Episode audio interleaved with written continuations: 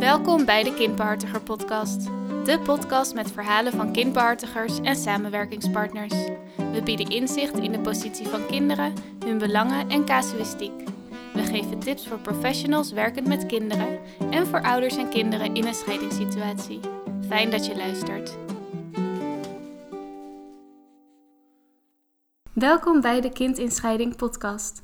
Mijn naam is Iris, ik ben 26 jaar en afgestudeerd in het jeugdrecht. In deze podcast ga ik in gesprek met mijn stagebegeleider Marieke Lips van Kids in Between en de beroepsorganisatie Kindbehartiger. Als kindbehartiger ondersteunt zij kinderen van gescheiden ouders. Marieke, zou jij jezelf misschien nog even willen voorstellen? Ja, dankjewel. Uh, nou, ik uh, ben Marieke Lips. Ik uh, heb mijn praktijk, denk ik nu zo'n zeven jaar van Kids in Between. Daar vervul ik de rol als kindbehartiger. En um, ik heb in 2015 de rol van de kindbehartiger ontwikkeld. Uh, dus vanuit de beroepsorganisatie kindbehartiger um, doe ik daar de operationele werkzaamheden en het contact met de leden en de regiocoördinatoren. Ja. Um, ik heb zelf ook net zoals jij jeugdrecht gedaan, dus dat is wel leuk. Daar hebben we een raakvlak. Yes. Uh, maar mezelf ook verder ontwikkeld in de ontwikkeling en hechting van kinderen. Omdat ik ook vooral het sociaal-emotionele stuk van kinderen belangrijk vond. En dat komt ook een beetje samen in de rol van de kindbehartiger. Ja. ja, daar gaan we het vandaag uh, over hebben, over de rol van de kindbehartiger. We gaan het ook hebben over de positie van het kind in scheiding. En we bespreken nog wat casuïstiek, uh, waarin de kindbehartiger ondersteuning biedt. Um, de rol van de kindbehartiger bestaat nu zes jaar en we hebben dat laatst samen met collega's gevierd online. Um, hoe is het idee van de kindbehartiger eigenlijk ontstaan? Ja, dan moet ik inderdaad even terugblikken. Dat is uh, 2015 geweest. Um, wat ik merkte toen ik mijn praktijk startte, dat ik dacht... we hebben therapeuten voor kinderen, we hebben ouderbegeleiders, we hebben allerlei trajecten... En in die periode um, ontbrak eigenlijk nog de positie van het kind. Ja. Um, he, we hebben een kind, kinderen die een hoorrecht hebben, we hebben het kinderrechtenverdrag, we hebben de bijzondere curator. Uh, maar dat is vaak al in een procedure. Um, en toen dacht ik, wie is er eigenlijk uh, voor het kind? Een professional die naast het kind kan staan, uitleg kan geven over de scheiding, Um, verstand heeft ook van alles wat er bij scheiding komt kijken, zowel het juridisch vraagstuk als het sociaal-emotionele. Ja. Wat nog geen therapie is um, en ook geen bijzondere curator is, maar daar eigenlijk tussen beweegt. En ook dat zorgvraagstuk eigenlijk aan het juridisch vraagstuk kan verbinden. Um, en wat ik toen heb gedaan, is ben ik onderzoek gaan doen naar ja. het Engelse model en het Australische model. En vooral het Australische model is heel erg blijven, blijven hangen. Daar heb je ook de Child Inclusive Methods. Mm-hmm. En um, daar uh, voelde ik heel veel raakvlakken met de kindbehartiger. En dat is ook wetenschappelijk onderbouwd. Daar hebben ze allerlei onderzoeken gedaan. Uh, dus ik heb dat model uh, nou ja, een beetje vertaald eigenlijk naar het Nederlandse model. En daar is de rol van de kindbehartiger uit voortgekomen. Met een eigen profiel en een eigen protocol en werkwijze. en inmiddels inderdaad zes jaar verder. Ja, wat super gaaf. En uh, hoe komen ouders en kinderen dan uh, bij jullie terecht, bij de kindbehartiger? Ja, dat is heel verschillend. We hebben nu uh, de website kindbehartiger.nl, dus dat weten ouders steeds meer te vinden. Um, en het is eigenlijk verschillend. Soms kunnen ouders onszelf benaderen. Um, dus dan vinden ze een kindbehartiger op de website of in de regio. Het kan ook zijn dat school bekend is met de rol van de kindbehartiger ja. en doorverwijst. Dan wel bijvoorbeeld de CEG's of ouder-kindteams, het heeft wat verschillende namen, de wijkteams... Uh, die bekend met ons zijn, maar we krijgen ook casuïstiek binnen bij, via jeugdbescherming, ja. uh, via advocatuur, via mediators, uh, therapeuten waar we mee samenwerken. Dus heel divers eigenlijk. Ja. En dat is voor ons als kindbars ook belangrijk dat we met heel veel professionals connecten en dat we ook laten zien dat we daarin kunnen samenwerken en dat ouders ons op die manier ook kunnen vinden. Ja, want jullie worden ook steeds bekender natuurlijk. Ja, ja dus dat is heel fijn.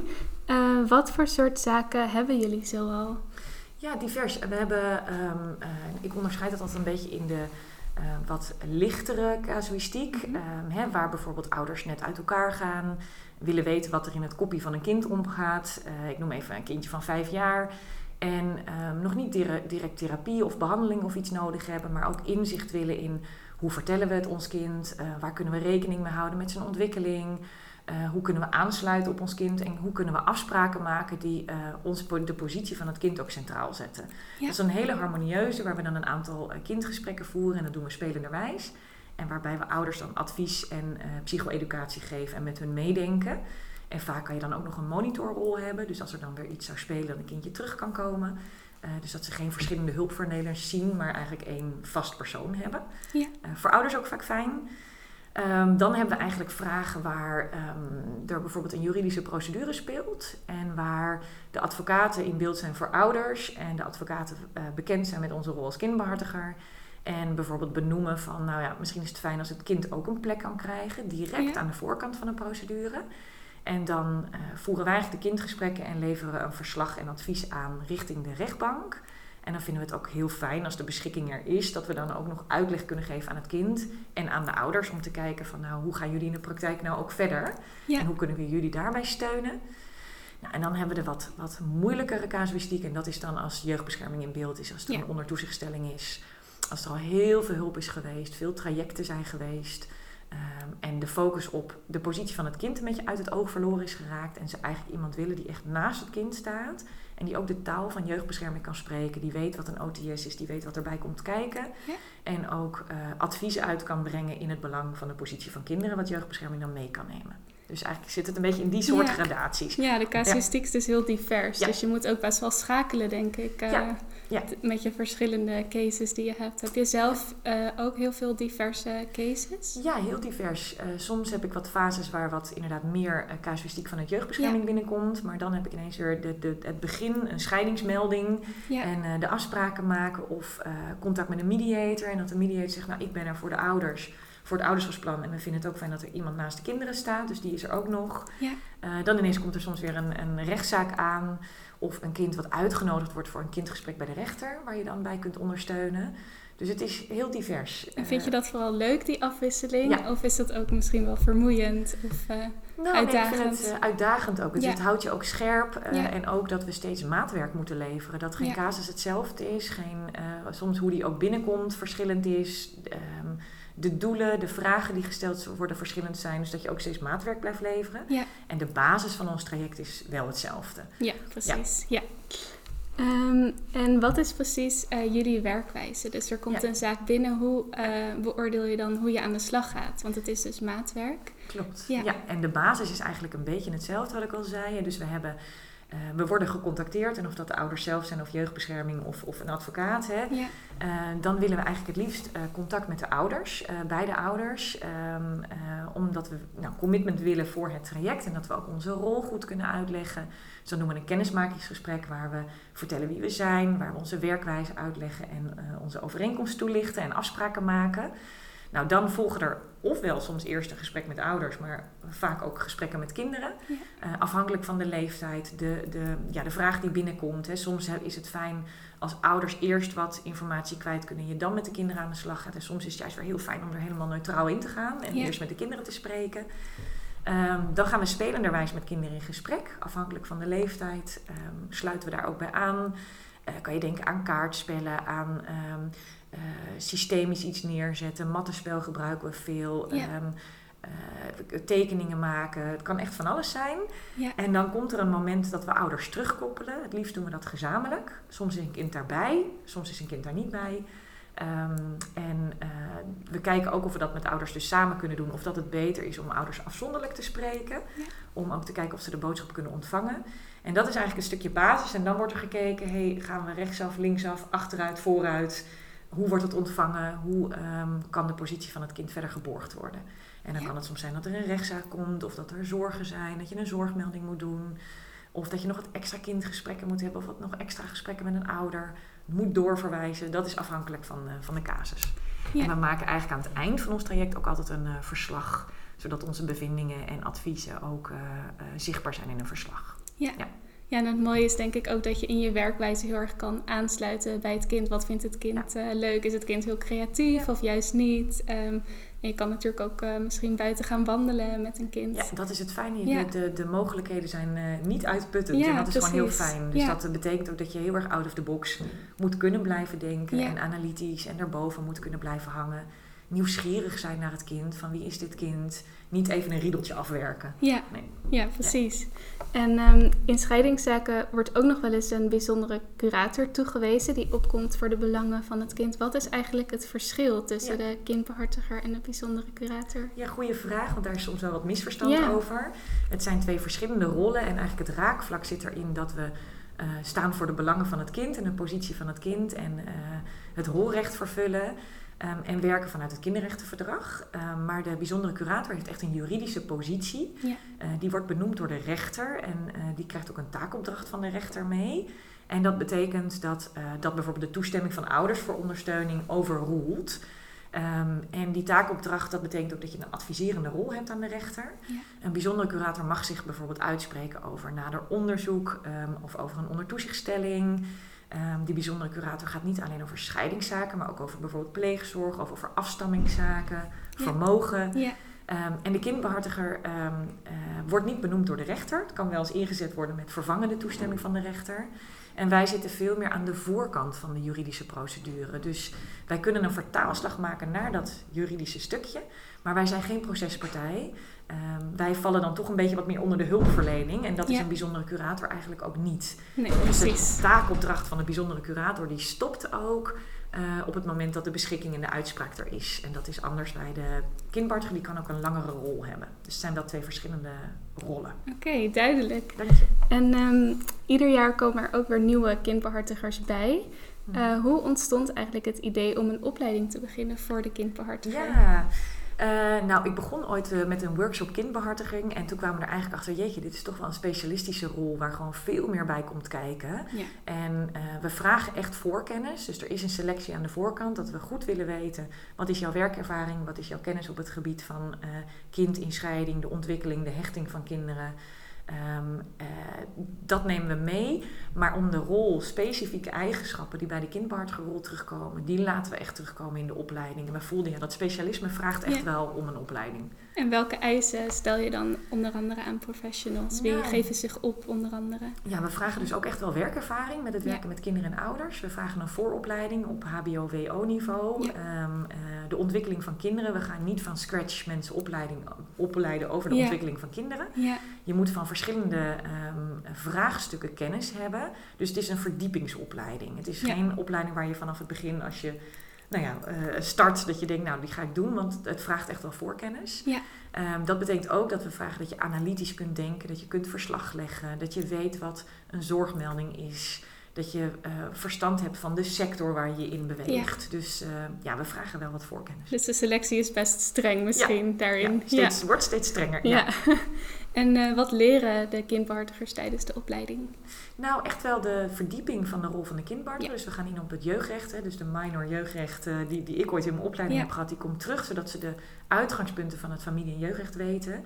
Daar, en de basis waar de kindbehartiger vandaan komt, vanuit dat Australische model. Ja. Dan gaan we eigenlijk in op een stukje de ontwikkeling en de positie van het kind. Het kindgesprek, welke methodieken je in kunt zetten als kindbehartiger. Maar ook hoe je de overeenkomst doorloopt. ehm, wat voor sessies je met ouders kunt doen. Wat je daarin wel en niet kunt doen. En ook hoe je je rol dan kunt afbakenen. Dat je niet op de stoel van andere professionals gaat zitten.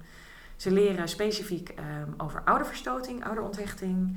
En de meldcode, maar dan meer specifiek voor de kindbehartiger. Dus Ja. ook het afwegingskader voor de kindbehartiger. En dan nog verslaglegging en dossiervorming, wat erbij hoort. En we gaan heel veel casuïstiek bespreken we ook. Ja, super interessant. Ehm, dan is er ook nog eh, de Stichting Kwaliteit Kindbehartiger in het leven geroepen. Met als doel de kwaliteitsbewaking en kwaliteitsverbetering van de functie van de kindbehartiger.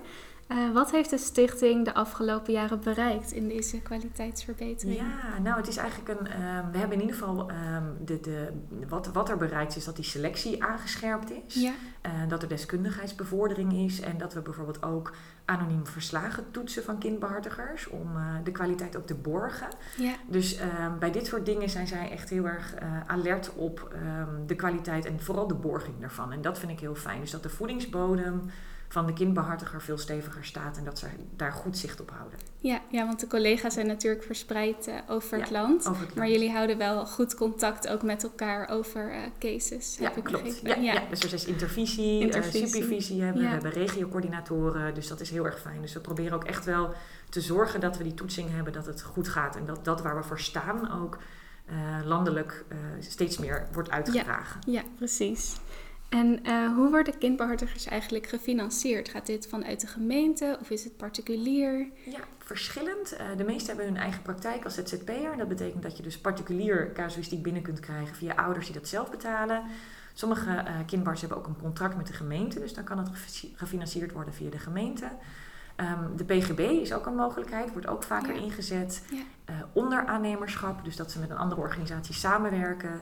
Ehm, soms een eenmalige overeenkomst. Ehm, dus ik merk dat ja, toen ik net begon, waren heel veel mogelijkheden er nog niet. En we zijn steeds meer aan het onderzoeken hoe we dat kunnen doen, zodat vooral voor ouders en kinderen er een mogelijkheid is. En soms ook een combinatie, een stukje zelf betalen, een stukje financiering.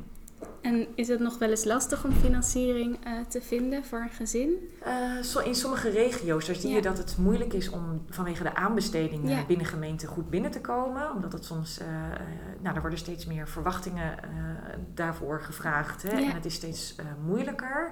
Ehm, en dat er wachtlijsten zijn of dat, ja, soms biedt dat nog wel uitdagingen, zeg maar. Om dan financiering te krijgen en omdat je dan soms nog nieuw bent als kindbehartiger. En in de meeste regio's gaat dat eigenlijk heel goed. En in sommige regio's is dat nog even zoeken. Ja. Maar dan hebben we bijvoorbeeld ook wel eens een gemeente die meegaat om een pilot te starten. En Oh, dat is ook wel weer heel mooi. Dus dat eh, komt ook weer steeds meer naar voren. Ja. Ja. Nou, zoals eh Marieke net vertelde, kan een kindbehartiger een kind ondersteunen in verschillende soorten scheidingszaken. In zowel harmonieuze scheidingen als conflictscheidingen. Om een voorbeeld te geven van een harmonieuze scheiding waarin de kindbehartiger een rol kan spelen, zal ik een casus aan jullie voorlezen. De ouders van Isa, 6 jaar, en Tim, 4 jaar, besluiten na 15 jaar eh, samen zijn om uit elkaar te gaan. Beide ouders zijn het er al over eens dat zij een co-ouderschap willen en bij elkaar in de buurt willen blijven wonen, omdat zij de zorgtaken altijd gelijkelijk verdeeld hebben en omdat zij zo min mogelijk veranderingen voor Isa en Tim willen.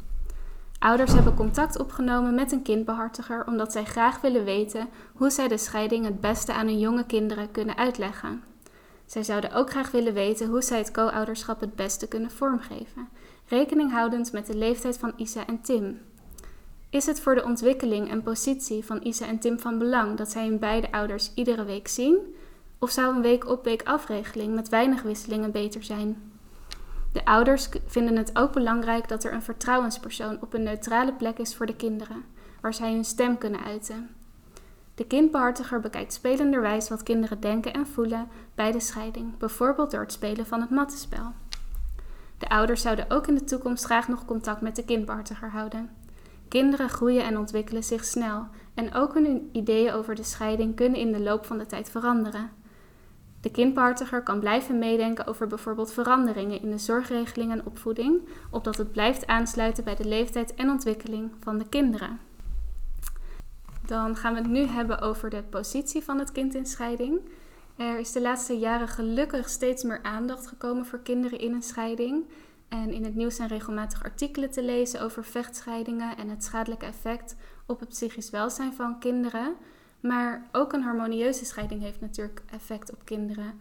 Eh, welke zorgen ontstaan er het meest bij kinderen als er een scheiding optreedt? Ja. Ehm, nou, ik ben allereerst wil ik even zeggen dat ik heel blij ben inderdaad dat er ehm, zoveel aandacht voor de positie van kinderen is. En dat eh, ik soms ook een beetje zie dat, eh, dat kinderen soms te veel een plek krijgen. Dus dat we daar altijd heel voorzichtig in moeten zijn.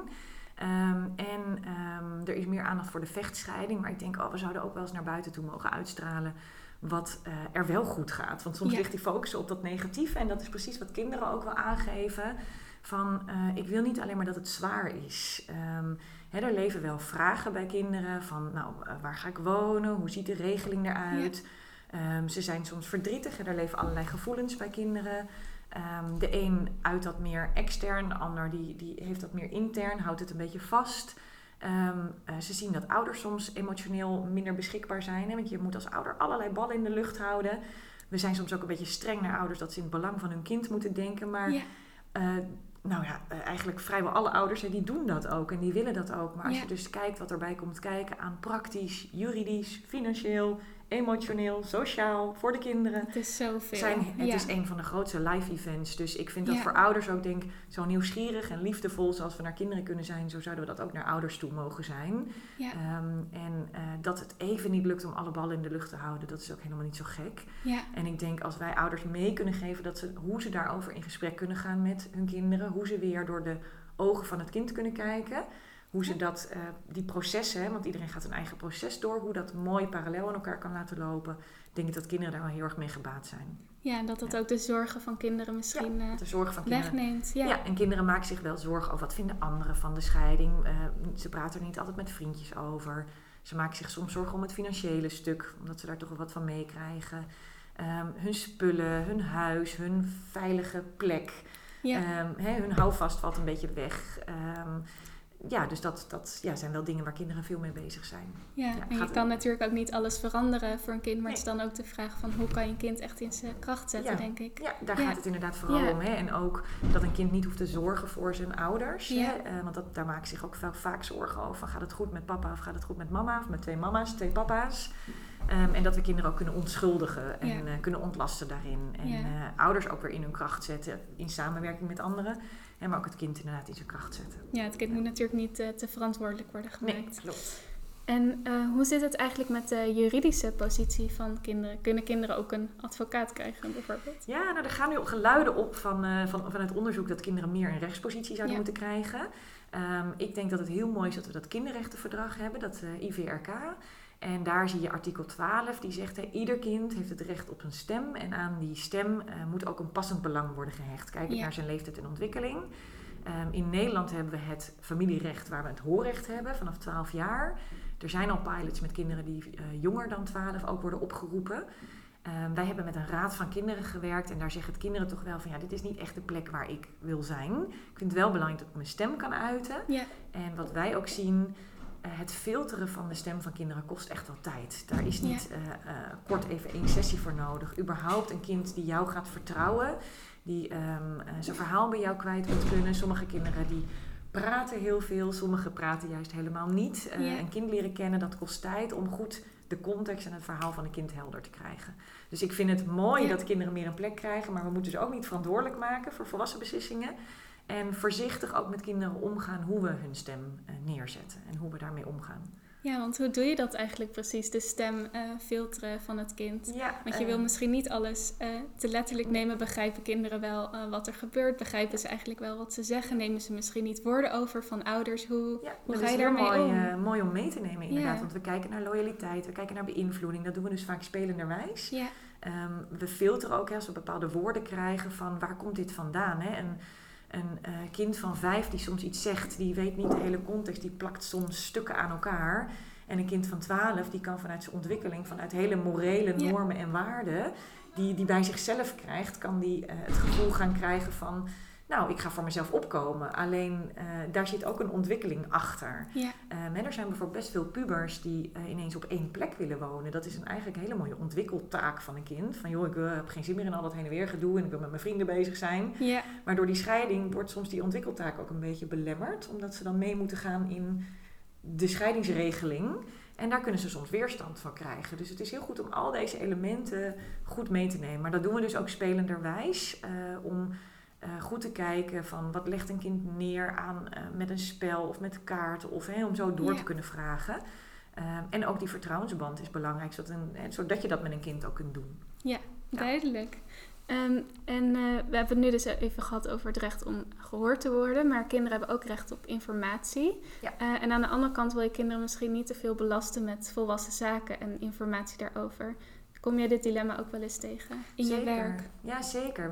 Het kind heeft recht op uitleg en informatie over waarom ben je hier, wat gaan we doen, ehm, in welk proces zitten je ouders. En dat doe je allemaal Ja. op een kindvriendelijke manier. Ja, Maar het kan bijvoorbeeld wel eens gebeuren dat wij ons zorgen maken over een kind en dat we een zorgmelding moeten doen. ja, En dat je dan toch aan een kind een stuk moet uitleggen waarom je dat wil doen. En dan zul je dus ook een afweging moeten maken waar belasting een kind wel of niet mee. En dat zie je ook veel bij ouderverstotingszaken. ja, Waarbij een kind toch veel volwassen eh, elementen in zichzelf opneemt en als eigen waarheid gaat zien.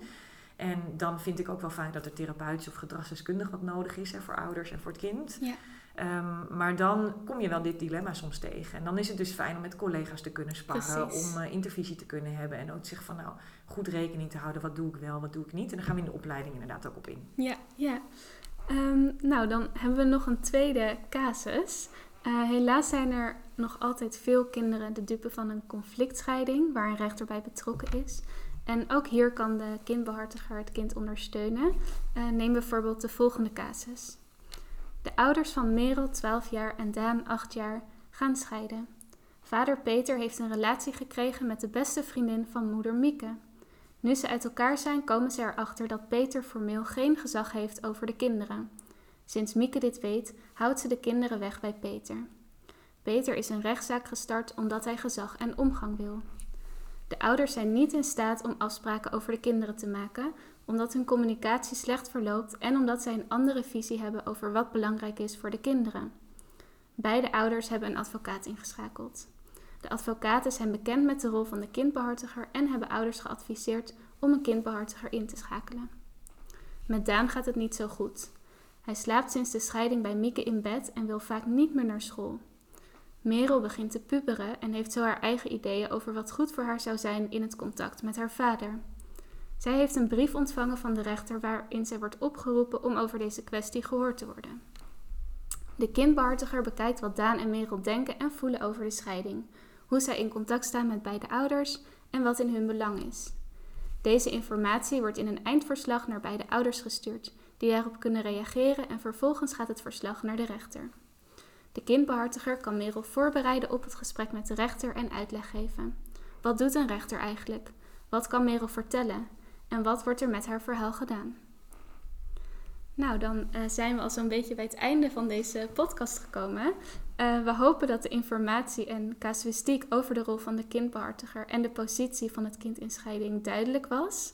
Um, dan heb ik nog een laatste vraag aan jou, Marike. Um, je bent nu zes jaar verder als kindbehartiger. Waar zou je over vijf jaar graag willen staan? Jeetje, ja, ik vind dat een lastige vraag. Um, ik merk dat ik niet meer zo uh, vooruit kijk. Dus dat ik steeds meer aan het vertragen ben en veel meer in het hier en nu kijk. Ja. Maar wat ik wel heel fijn zou vinden is dat uh, de kwaliteit van de kindbars nog, nog zo geborgd blijft zoals we dat nu doen. De kindbars goed vindbaar zijn, dat we preventief uh, meer kunnen doen voor kinderen. En dus dat er eerder in scheidingssituatie een kindbartiger ingeschakeld kan worden. Ja. En los van de financiële vraagstukken die daar soms op, op zitten, dat we dat mogelijk maken voor kinderen en hun ouders. Ja. Dat zou ik gewoon ouders en, uh, en kinderen gunnen. Dus dat niet alleen maar als, de mogelijkheid heeft. Ja, ja, niet alleen maar als ambassadeur van de kindbehartiger, maar omdat ik gewoon weet dat we ouders en kinderen echt kunnen steunen daarbij. En omdat ik dat ze zo gun, um, zeker preventief ook, zodat we uh, eerder aan de voorkant iets kunnen oplossen voor ze. Nou, heel erg bedankt voor dit uh, gesprek. Dank ik hoop dat jij en je collega's nog heel veel ouders en kinderen hierbij kunnen ondersteunen. Dankjewel voor uh, vandaag. Ja, uh, dit was onze eerste podcast. En uh, in de toekomst zullen er nog meer kindbehartiger podcasts verschijnen over het thema kind in scheiding. Vond je deze podcast interessant? Vergeet je dan niet te abonneren op dit kanaal. Tot de volgende keer. Dankjewel voor het luisteren naar deze podcast.